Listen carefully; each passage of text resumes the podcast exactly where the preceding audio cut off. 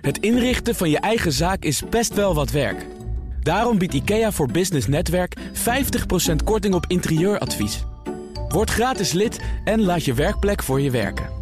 IKEA, een wereld aan ideeën. CMO Talk wordt mede mogelijk gemaakt door SRM. SRM, de opleider van marketing- en communicatieprofessionals die excelleren in hun werk. BNR Nieuwsradio. CMO Talk. Klaas Wijma. Ik weet dat dit de grote angst is van veel marketeers, maar eh, een simpel rekensommetje leert dat dat eigenlijk niet zo heel erg groot gevaar is. De meeste merken hebben een marktaandeel van nou 10%, 15%. Uh, de meeste meningen hebben een meningaandeel van misschien wel 30, 40, 50%. Dus zelfs een omstreden mening wordt gedragen door misschien wel 40, 50% van de bevolking. Dus groeipotentieel. Juist. Ja, dus je kunt altijd meer klanten winnen dan dat je er kwijtraakt. Je hoort Peter Verleg, marketingprofessor aan de VU Amsterdam. Welkom bij CMO Talk met vandaag een heel mooi onderwerp: merkactivisme. Want steeds vaker spreken merken zich uit tegen klimaatverandering of racisme.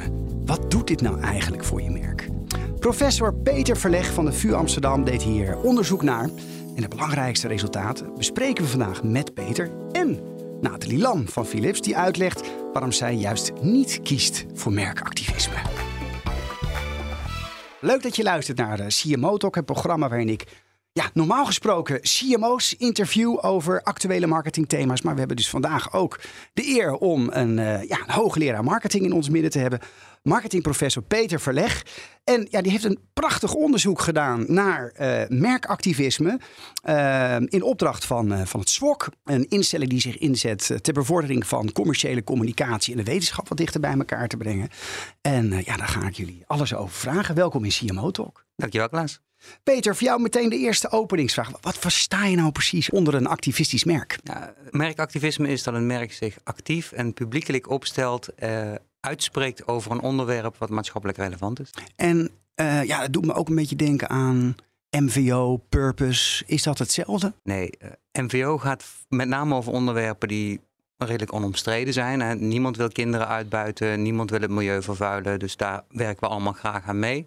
Purpose, dat gaat meer over de diepere lading en uh, richting geven aan je merk. En merkactivisme is echt een activiteit. Ja. Publiekelijk, maar wel een activiteit. Ja, hele bekende merken zijn natuurlijk die hele grote internationale merken als Nike, Patagonia, Ben Jerry's, hè, onderdeel van, uh, van Unilever.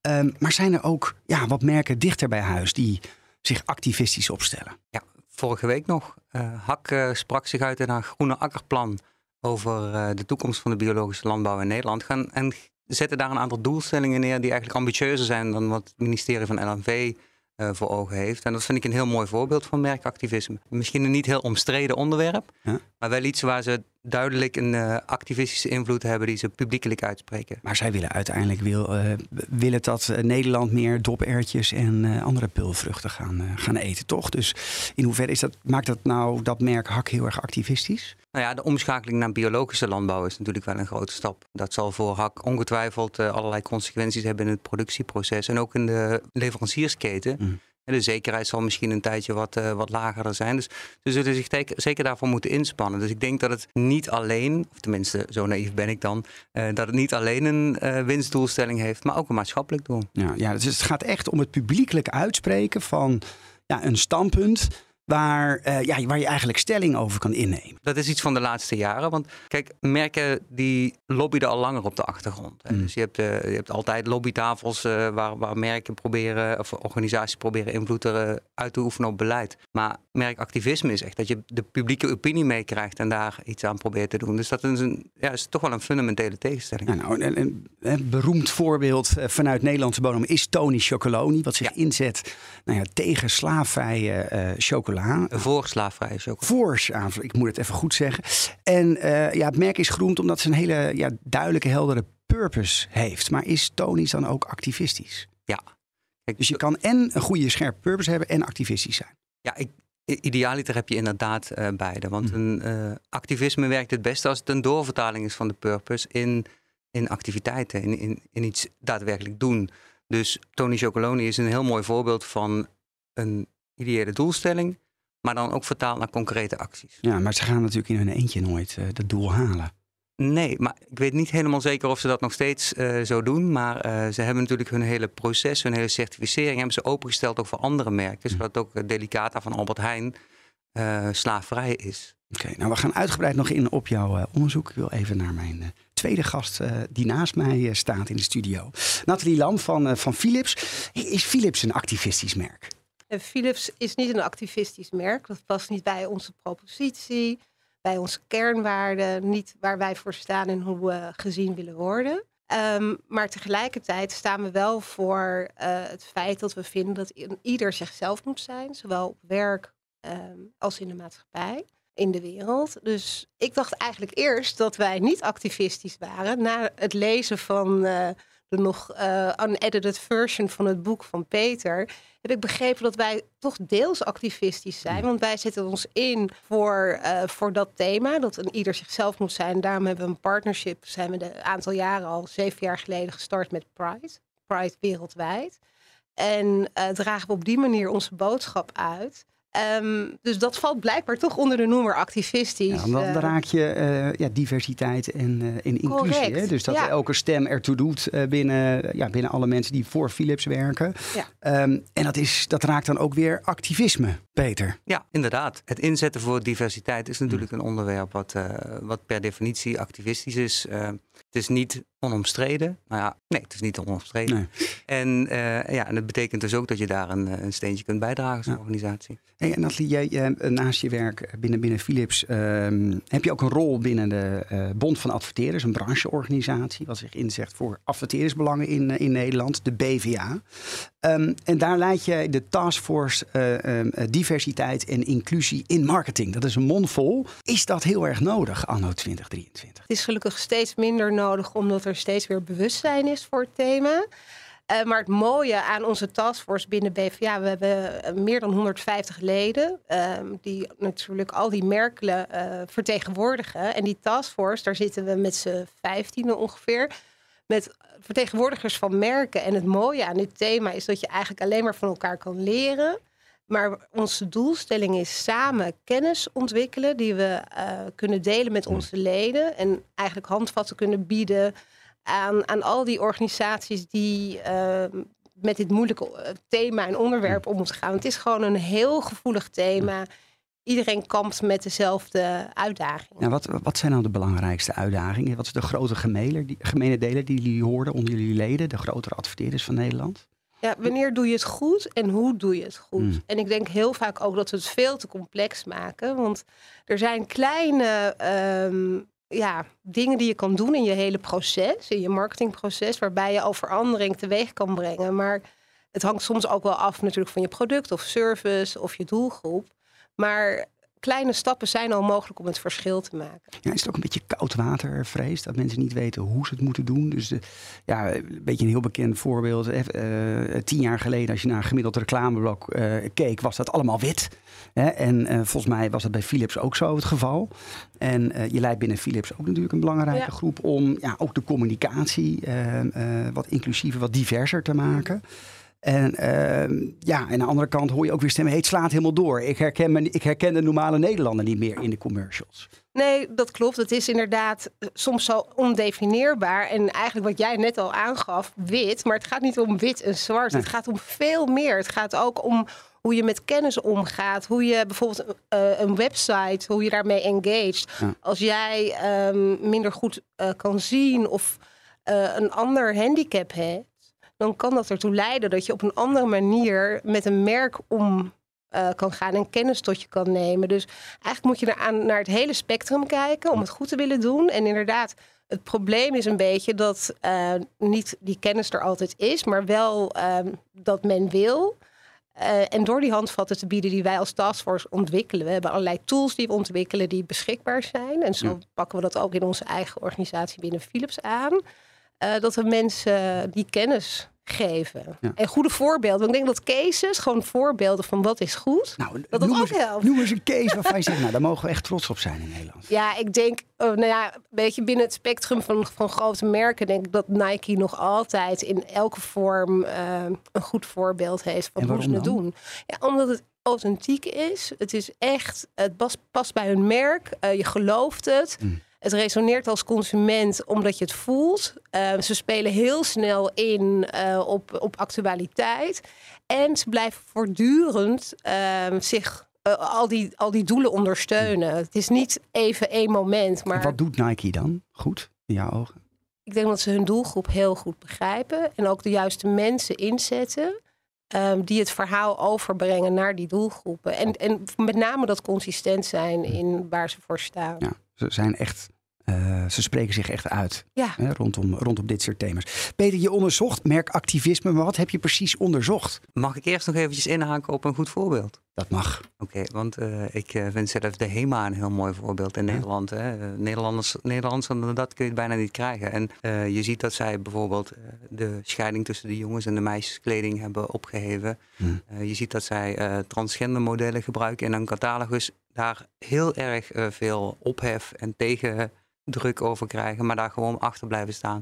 En zo zijn er nog legio voorbeelden. Dus ik, ik vind dat ook een heel mooi voorbeeld van een merk Ja. wat echt in haar hele gedrag diversiteit ondersteunt. Zeker, een goede toevoeging. En, eh, nou, even terug naar je onderzoek. eh, merkactivisme, wat heb je precies onderzocht? Ja, ik heb eh, twee dingen gedaan eigenlijk. Ik heb een uitgebreide literatuurstudie gedaan. Gelukkig wordt er steeds meer onderzoek gedaan naar, eh, naar de effecten van merkactivisme en de factoren die bepalen of het nou eh, succesvol is of niet.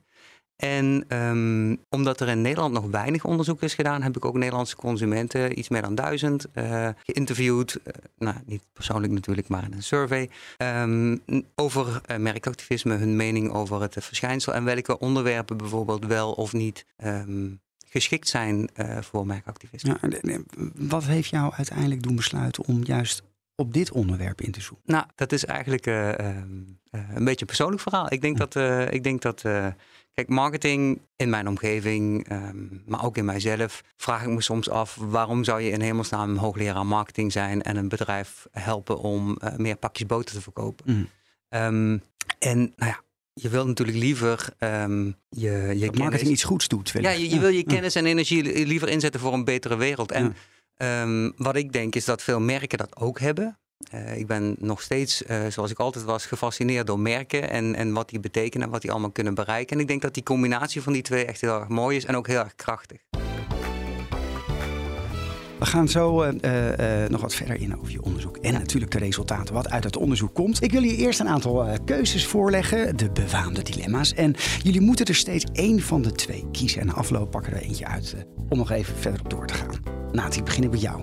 Marketing of sponsoring? Marketing. Peter, de CEO of de juiste CMO als activist? De CEO. En Nathalie, eh, global activisme of eh, juist lokaal? Moeilijk. Global. Peter, nuance of eh, revolutie? Revolutie. Nathalie, woke of bewust? Bewust. En Peter, grote gemene deler of uitgesproken? Uitgesproken. De meeste twijfel hoorde ik bij jou, Nathalie, toch echt op eh, global activisme of lokaal. Wil Ja, je dat toelichten? Ja nou Je eigenlijk... werkt voor een global merk natuurlijk. Precies, en dat, dan, daarom weet ik ook dat de uitdaging daar zo ligt. Omdat natuurlijk zijn er thema's die eh, globaal relevant zijn. Maar tegelijkertijd zijn er ook thema's die zo relevant zijn lokaal. En als je soms het verschil wil maken, dan heeft het meer kracht als je het lokaal eh, daar iets mee gaat doen met dat thema. Dus vandaar dat ik heel erg twijfelde. Ja, mooi. Soms kunnen we het ook wel dichter bij, bij huis zoeken. Hè. Ik denk, wat je, het Ja. werk wat je vanuit de BVA doet, is ook met de merken kijken van nou, wat kan je nu ook al concreet hier realiseren. Dan meteen maar bij die, die grote merken te kijken. Ja, en, en helemaal waar. Want bijvoorbeeld Pride als partnership binnen Philips zijn we in Nederland destijds gestart met het sponsorship. En dat is natuurlijk heel zichtbaar ook. Hè? De boot en nou ja, het is eh, wereldwijd eh, bekend. Maar het is een partnership dat ook weer niet in elk land geactiveerd kan Nee, worden. En nee. idealiter hebben wij altijd partnerships die eh, global relevantie hebben.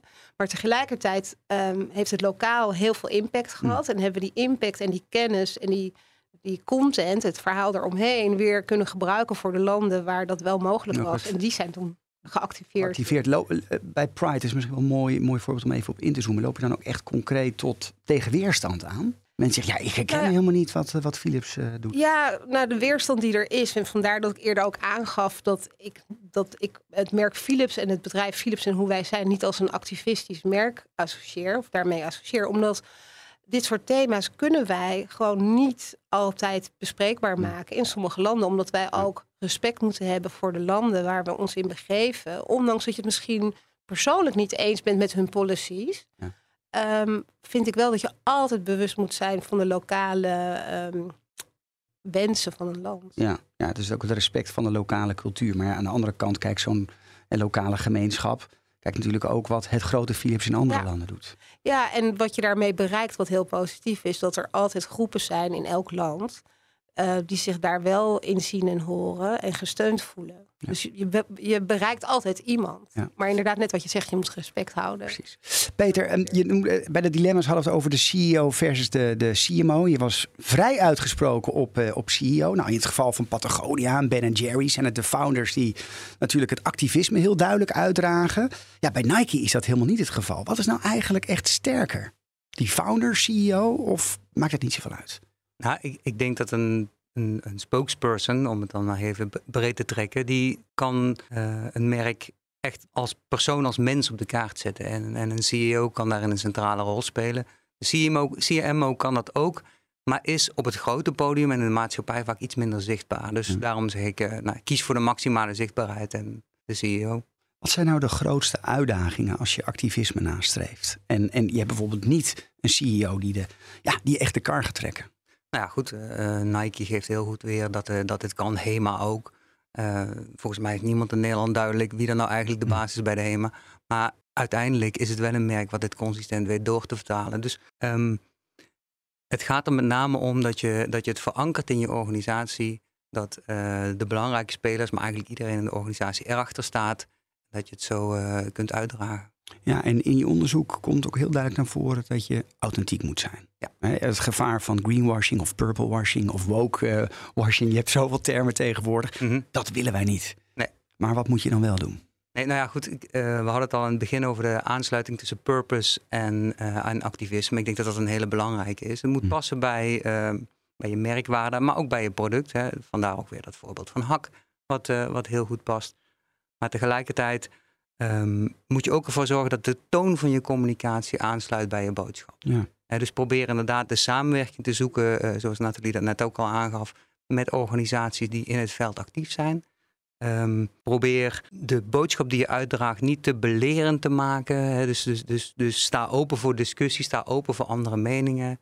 eh, maar ben wel helder in je standpunten. Zijn er nou ook echt risico's om activistisch bezig te zijn als merk? Ja- Jazeker. Ehm, je moet goed inschatten, ken je doelgroep eh, of ken je consument. Je moet goed inschatten eh, wat die er uiteindelijk van gaan vinden. En Ja. wat die, ehm, ja, hoe, die, hoe die aan de haal gaan met jouw activistische boodschap. Als de weerstand te groot is, dan kan je jezelf daarmee eh, de voet schieten. Ja, precies. Want je, je, neemt echt stelling. En ja, er misschien een hele grote groep klanten die daar niet mee eens zijn. En die zeggen, nou, ik keer het merk de rug toe. Dat Ja. wil je niet als marketeer, toch? Nee, ik weet dat dit de grote angst is van veel marketeers, maar eh, een simpel rekensommetje eh, leert dat dat eigenlijk niet zo heel erg groot gevaar is. Hm. De meeste merken hebben een marktaandeel van nou 10%, 15% en zijn best wel blij mee.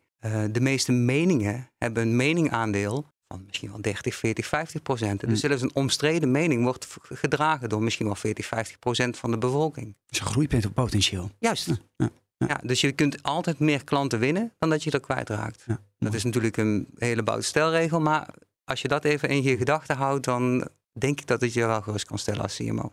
Nathalie, eh, wat vind jij? Moeten eh, merken niet een allemans vriend zijn?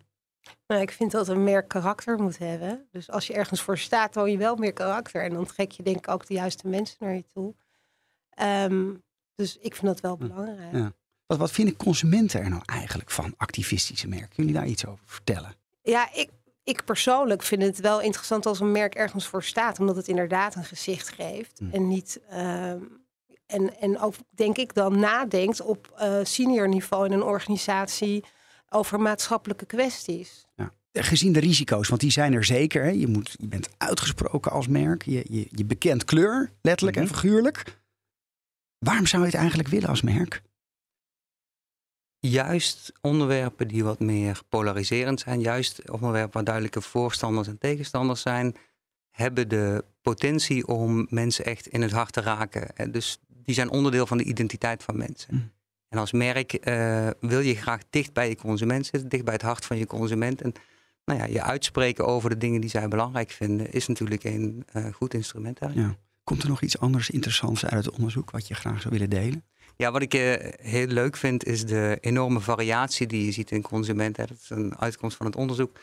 Um, naar aanleiding van de onderwerpen die er gesteund worden. Hè. Dus we zien uh, in ons onderzoek dat iets als fair trade, uh, milieuproblematiek, mensenrechten, ongeveer twee derde of nog meer van de consumenten zegt merken mogen zich daarop uitspreken of moeten zich daarop uitspreken. Um, directe steun aan een politieke partij is iets wat mensen totaal ongewenst vinden. Daar gaat ongeveer een vijfde zegt daar maar van dat is prima. En uh, een onderwerp als de, het steunen van de LHBTI-community uh, is verrassend genoeg, tenminste voor mij, ook nog heel erg omstreden. Uh, maar 47% van de consumenten vond dat dat een goed idee was. Dat percentage wordt een stuk hoger als je kijkt naar jongere mensen en hoger opgeleide mensen. Hmm. dan zit je wel weer aan die, tegen die twee derde aan. Maar het blijft dus een omstreden onderwerp, met name onder oudere consumenten. Dus de druk waar Nathalie het net over heeft, die blijft nodig. Het blijft heel relevant. Nathalie, welke takeaways haal jij vooral uit het onderzoek van Peter? Ja, ik vond onderzoek echt heel mooi om te lezen, ook omdat het uh, op data gebaseerd is, wat altijd helpt. Um, ik vind het ook interessant om keuzes te maken binnen onze eigen organisatie, wat wel of niet resoneert met welke doelgroep. Um, en ook het deel uh, over wat uh, met name niet resoneert, omdat je zelf daar ideeën over hebt. Uh, dus bijvoorbeeld Pride als, als thema. Wij gaan daar ook anders mee om, omdat zoals het nu ingericht is, vind ik het zelf te commercieel worden. En wij staan ergens voor als organisatie, maar daar kan je ook andere partnerships voor gebruiken om dat uit te dragen. En misschien ook naar een bredere doelgroep.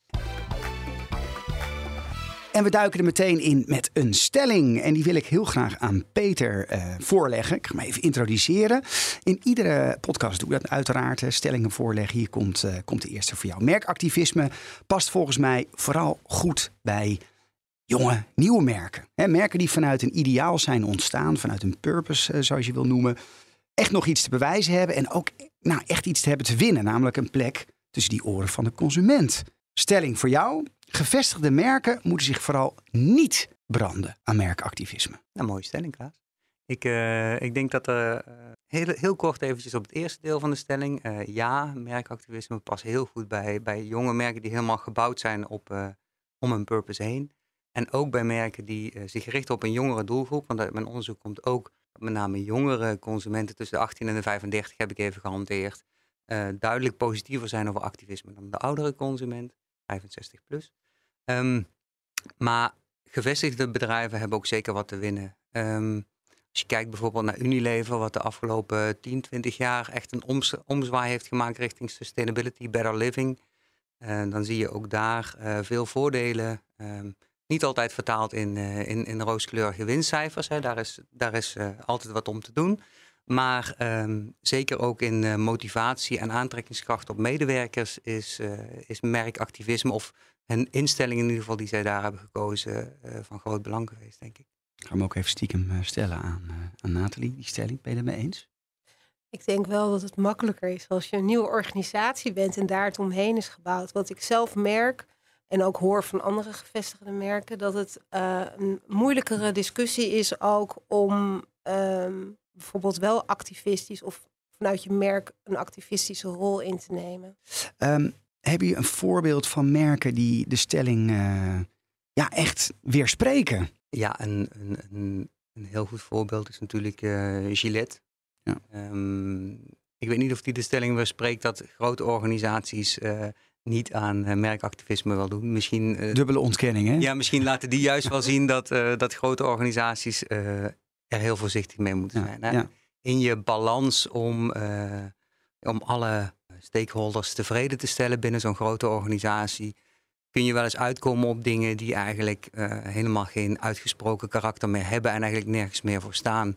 En, de, en dan, dan wordt het conformistisch en niet activistisch. Precies, precies. Ja, En, dan, en, en, dan, prikken, uh, dan prikken de mensen om wie het echt gaat, die je echt wil bereiken en steunen, die prikken daar zo doorheen en die kunnen zich zelfs van je afkeren. Ja, oud voorbeeld is ook PepsiCo hè, met de Black Lives Matters uh, beweging. Ja, precies. Dus dat, de kern is toch wel authenticiteit. Heb jij een voorbeeld, uh, Nathalie, die meteen binnen schiet? En dat is natuurlijk, ja, heel erg makkelijk voor jou, omdat je bij de BVA zit en al die adverteerders kent. Waarvan je zegt, oh, dat, dat is nou net even een uitgeleiertje. Nou, om eigenlijk het nog meer terug te pakken naar, aan, naar het proces, als ik ook aan uh, die voorbeelden denk die net genoemd zijn, vraag ik me af, hoe is dat proces inderdaad verlopen?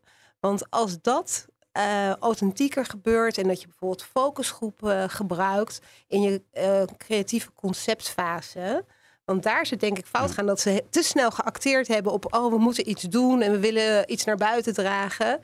Uh, en dan het geëikte proces volgen. Terwijl als je inderdaad ook in dat conceptproces uh, authentiek bent, door met andere mensen wellicht te werken uit de community, et cetera. Niet alleen divers, maar ook inclusief. En inclusief, precies. Ja, ja, um, dan kan je dit soort dingen hopelijk voorkomen. Ja, maar ik heb nog geen voorbeeld van je gehoord. Ja, um, maar ook internationaal. Misschien wat makkelijker. Nou ja, nee, ja, als ik dan toch weer een voorbeeld moet noemen. Waar stoor je je aan? Ja. ja, nou ja, ik stoor me aan inderdaad dat uh, mensen denken... oh, ik ga maar een variatie van verschillende type mensen gebruiken... want dan lijkt het wat. Uh, dan is het inderdaad niet authentiek. Het voelt uh, alsof iemand mee wil deinen met een trend. Uh, en dat gebeurt in verschillende situaties. En wat ik al zei, het gaat niet altijd om kleur, maar om zoveel andere thema's. Maar ik moet heel eerlijk zeggen, ook als ik nu naar de kerstcommercials keek van afgelopen jaar, denk ik, wauw, wat een verschil al met vorige jaren. Um, dus ik vind dat we heel erg goed bezig zijn in Nederland met alle merken. Ook omdat, denk ik, iedereen zich heel erg bewust is dat het anders moet en kan. Kun je tips geven uh, aan uh, ja, marketeers die nu luisteren en zeggen: hey, ja, ik ben overtuigd. Ik heb het onderzoek van Peter gelezen. Ik moet activistischer worden. Uh, welke tips zou je mee kunnen geven? Ja, de tip die ik eigenlijk altijd aan iedereen geef is: ga eens kijken naar al je werk wat je het laatste jaar hebt gedaan en plak dat gewoon op de muur. En heb een sessie met elkaar om te begrijpen waar staan we voor, wat hebben we gezegd, welke tone of voice, welk onderwerp of maatschappelijk thema hebben we gebruikt in onze communicatie. Want ik denk als je dat allemaal ziet, wat je allemaal ontwikkeld hebt, dat het dan heel inzichtelijk wordt en dat het je ook aan het denken zet. En zeker als je thema's die op dat moment uh, relevant zijn, gebruikt wellicht als leidraad om het aan te toetsen, dat je dan met elkaar uh, hele interessante gesprekken kan ja. hebben. Ook over hoe je het anders wil, zou willen doen. Heb je dat bij Philips ook zo aangepakt? Ja. ja? en wat is er nou uitgekomen? Is daar echt nou een grote verandering uitgekomen? Ja, je noemde Pride, maar ja, nou, andere voorbeelden? Ja, nou ja, om toch even nog Pride uh, uh, als voorbeeld. En ik denk dat het een goed voorbeeld hm. is voor iedereen om het te begrijpen. Wij hebben dat destijds gedaan. En dat was heel erg mooi. En we hebben zichtbaarheid gecreëerd dat we daarvoor staan als merk. En ook voor onze medewerkers en het internationaal getrokken. Het, voor de helder, het was meer dan alleen maar een logo ja, plakken. Sorry, ja, veel meer dan alleen de boot. We hebben ook policies aangepast. In Amerika hebben we al heel veel mooie uh, dingen kunnen doen, ook voor onze medewerkers. Bijvoorbeeld, even een simpel voorbeeld. In Nederland hebben we allemaal een uh, ziektekostenverzekering. In Amerika is dat veel complexer en moet je ook heel veel zelf betalen. En onze policy in Amerika qua verzekering, ziektekostenverzekering, heeft ertoe geleid dat iemand bijvoorbeeld een operatie heeft ondergaan om zich te wijzigen van um, seksen. Ja. Sorry, ik zeg niet ja. het juiste woord nu, maar. um, en dat is heel dierbaar en dankbaar. En dat is wat ik eigenlijk bedoel. Het is niet alleen het uitdragen van wij staan voor die community. Maar wij, wij doen ook als organisatie heel veel. Ja, om de community te helpen. Ja, en in elke vorm. Hè, we hebben nog veel meer voorbeelden. En dat is eigenlijk wat ik bedoelde. Is dat wij nu heel kritisch aan het kijken zijn van... we kunnen ook op een andere vorm... Uh, niet langer alleen maar met die boot en een parade in een land. Misschien veel interessantere partnerships aangaan. Die ook nog iets te betekenen hebben voor die community. Maar die meer passend is bij onze health tech propositie. Peter, um, heb jij nog concrete uh, handvatten voor marketeers die luisteren? Zeggen van, ah, ik uh, wil aan de slag met merkactivisme. Ja, ik, ik denk uh, het is al een aantal keer gegaan over wat is het effect op het merk, op medewerkers, op consumenten. Maar wat ik eigenlijk net zo belangrijk vind, is wat het, is het effect op het doel zelf. Wat bereik je nou echt met merkactivisme? En um, ik denk dat het goed is als je voor ogen hebt wat je eigenlijk wil bijdragen aan het doel. Ja. Uh, en de twee dingen die, uh, die je daar als merk kunt bijdragen is aan de ene kant awareness uh, en lading. dus awareness op een positieve manier die mensen echt, echt ook raken. Als merken zijn we daar heel goed in. Um, sommige NGO's zijn daar veel minder goed in. Hm. Um, en ik denk dat merken daar de doelstelling kunnen versterken. En de andere is, als merk ben je inderdaad, zoals Nathalie al net zei, eh, verantwoordelijk voor de norm die je uitdraagt aan, naar de maatschappij. Hè. Dus jij bent een van de belangrijke spelers eh, in onze maatschappij. Die, die bepaalt eigenlijk wat consumenten zien. Eh, op billboards, in winkels, eh, op tv, op internet. Dus daar, ehm, daar heb je... Bewustzijn. Ja, ja, ja nou, nee, niet bewustzijn, maar gewoon wat vind je normaal als maatschappij? Mm. Hè? Dus, dus we vinden nu langzamerhand inderdaad zo in zo'n kerstcommercial eh, het normaal dat er heel veel verschillende mensen in acteren. Ja. Dat is een proces geweest van jaren en daar spelen merken een belangrijke rol in. Dus die normstelling, dat is, eh, dat is iets wat je als merk kunt doen eh, en Mooi. makkelijk ook kunt bereiken. Nathalie, ik heb een stelling voor jou. Als wij meer diversiteit en inclusie in marketing willen, dan moet je echt een barricade op. Ehm, ja, nee, ik denk niet dat je een barricade op hoeft. Het is eigenlijk heel simpel. Je moet meer inclusiever zijn in de mensen die je aanneemt en het werk laat doen. En dat gaat van inderdaad iemand eh, die een handicap heeft en wellicht niet fysiek naar een kantoor kan komen, maar heel, hele mooie creatieve concepten kan bedenken vanuit zijn bed. Ik noem maar wat. En, en vanuit de BVA, dus waar, waar je dus de taskforce leidt, eh, neemt dan BVA hier ook een heel activistisch standpunt in? Ja, wat ik met name het mooi, mooi vind binnen de BVA, dat we met zoveel merken samen hier aan werken, die allemaal een andere achtergrond hebben qua waar ze voor staan als organisatie. En dat je eh, gezamenlijk iets kan ontwikkelen, dat je niet elkaars concurrent bent. Dat blijf ik nog steeds heel mooi vinden aan dit thema. Wanneer ben jij eh, tevreden, Peter? Als je, nou, dit onderzoek eh, is eh, gepubliceerd, Mhm. mensen nemen daar kennis van. Ja. Wanneer ben jij blij? Ik ben blij op het moment dat mensen ehm, meer op eh, feiten en wetenschap gebaseerd gaan nadenken over marketingproblemen in het algemeen. En eh, ook eh, in dit geval in activisme, dat ze misschien daardoor minder bang zijn om zich uit te spreken. Want eh, de data zijn duidelijk, eh, uitspreken is helemaal niet eng. We zijn aan het eind gekomen van de, van de uitzending eh, CMO Talk. Nou, ik wil jullie van harte bedanken. Peter Verleg van de VU Amsterdam. Nathalie Lam van Philips en ook de BVA. Nou, wil je nou nog meer weten over merkactivisme? Dan kan je luisteren naar een bonusaflevering. met Connie Braams. Ik kwam net al langs Unilever. waar ik met haar in gesprek ging over purpose en performance. Dat die twee elkaar zeker kunnen versterken. Dus eh, luister vooral naar ook die aflevering. En in de CMO Talk ga ik dus in gesprek met Brenda Smit, CMO van Haaswat. Tot de volgende aflevering en dank voor het luisteren. CMO Talk wordt mede mogelijk gemaakt door SRM. SRM, de opleider van marketing- en communicatieprofessionals die excelleren in hun werk. Als ondernemer hoef je niet te besparen op je werkplek. Want IKEA voor Business Netwerk biedt korting op verschillende IKEA-producten. Word gratis lid en laat je werkplek voor je werken. IKEA, een wereld aan ideeën.